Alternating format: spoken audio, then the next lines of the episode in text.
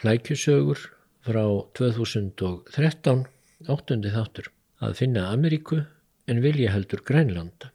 Ég hitti sumarið 2013 leigubilstjóra frá Fílabeinströndinni sem vissi það eitt um Ísland að þar hefðu menn logið til um nafnið á landinu. Þessi teksti byrtist uppálega í frettablaðinu 12. oktober 2013.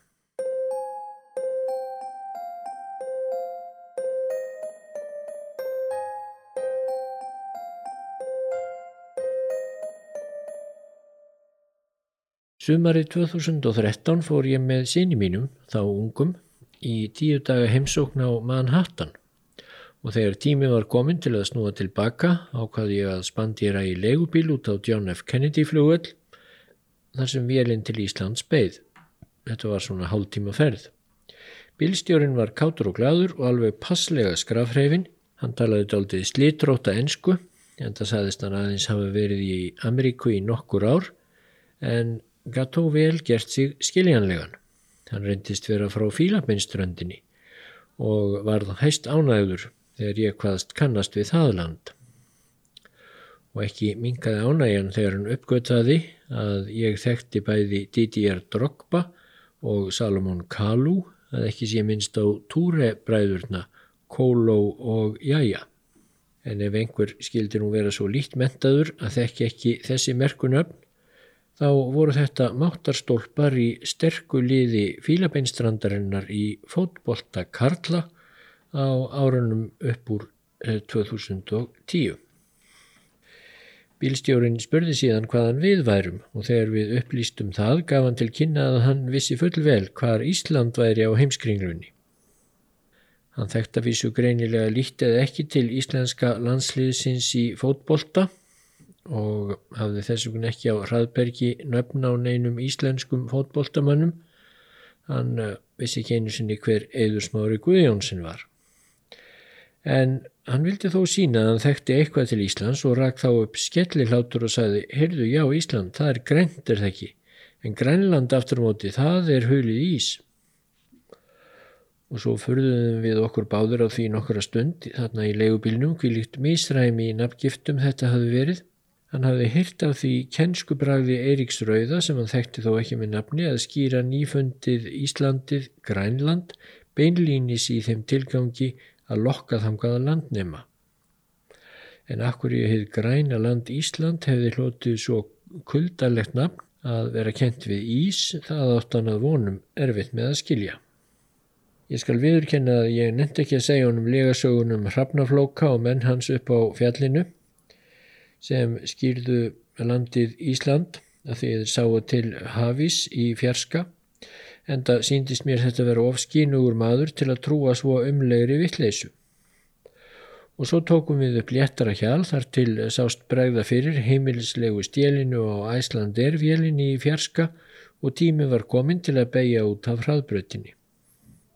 Ég ætti kannski að rekja öður lítið nánar sögunum hrafnaflóka á fjallinu Hún er þannig í landnámu að flóki og menn hans sem fyrstir höfðu vetursetu á hennu nýfundna landi, gengu upp á fjallum miðjan vetur og sáu þá niður í fjörð og sáu þar hafís og var þá að orði að best væri að kalla landið Ísland. Þessi saga eru auðvitað þjóðsaga sem á enga stóð í veruleikanum en það má svo sem vel vera að einhverjir þeirra sem fyrstir komi hingað hafi nefnt landið eftir jöklum sem hér voru þó þeir hafi víst reyndar verið miklu minni á henni svonendu landnámsöld en löngum síðar. Mín eigin kenning á uppruna nafnsins er svo að eftir að romvesk skip sem komu frá Spáni rögtust hingað á þriðju eða fjórðu öld eftir Krist og snýru síðan tilbaka í menninguna að þá hafi fræðimenn að frásögn sjómanana mert ónefnda eigu inn á kort sín og þar hafi endað orðið Ísla sem þýður auðvitað bara eiga á spænsku. Eftir að einhverjir norrænir menn, vísast munkar, komust í kortin, fannst þeim svo eðlilegt annað hvort af ásetningi eða miskilningi að bæta norrætni endingu aftan við Ísla eða eigu og þannig var til Ísland. En þessi kenningur auðvitað bara búið grín. Ég hef ekki einu sinni haft fyrir því að kanna hvenar latneska Orðið yfir eigu breyttist úr insúla í Ísla á spænsku og hvort það gæti á einhvern nátt farið saman við rissfræðimanna af eigu úti í Allandshafi einhver tíma á öldunum fyrir landnám þegar spátn var laus úr tengslum við Rómaveldi. En hvað sem því líður, aftur víkur sögun eða vini mínum frá Fílabinströndinni. Mér fannst óneitanlega forvitnilegt að hann skildi kunna skil á þessu merkilega PR-i landnámsmanna bæði Íslands og Grænlands. Ég var nefnilega varfið það í tvö önnur skipti í þessari stuttu Ameríkuferð að þetta var það fyrsta sem menn höfðu orð á þegar þeir uppgötuðu að þeir stóðu anspænis Íslendingi Þetta bráðsnjalla en þó óneitanlega heldur lágkúrulega blöff með sjálft nafnið á landinu sínu.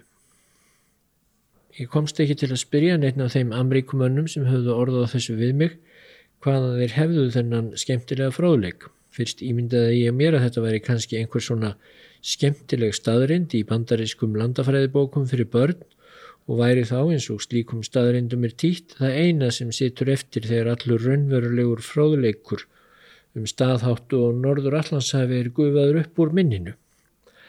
En það gæti ekki verið í tilfelli bílstjórans. Hann var tilturlega nýkomin til Ameríku og hefur þá verið rík fullorðin og ekki leigið í skólabókum barnaskólans. Svo ég hafði á þessu enga skýringu en varpa þessu fram til fróðulegs fyrir þá sem annars landkynningu Það er kannski óplæður akkur, komið og sjáuð PR stöndið mikla, komið og sjáuð þjóðina sem laug til um nafnið á landinu sínu.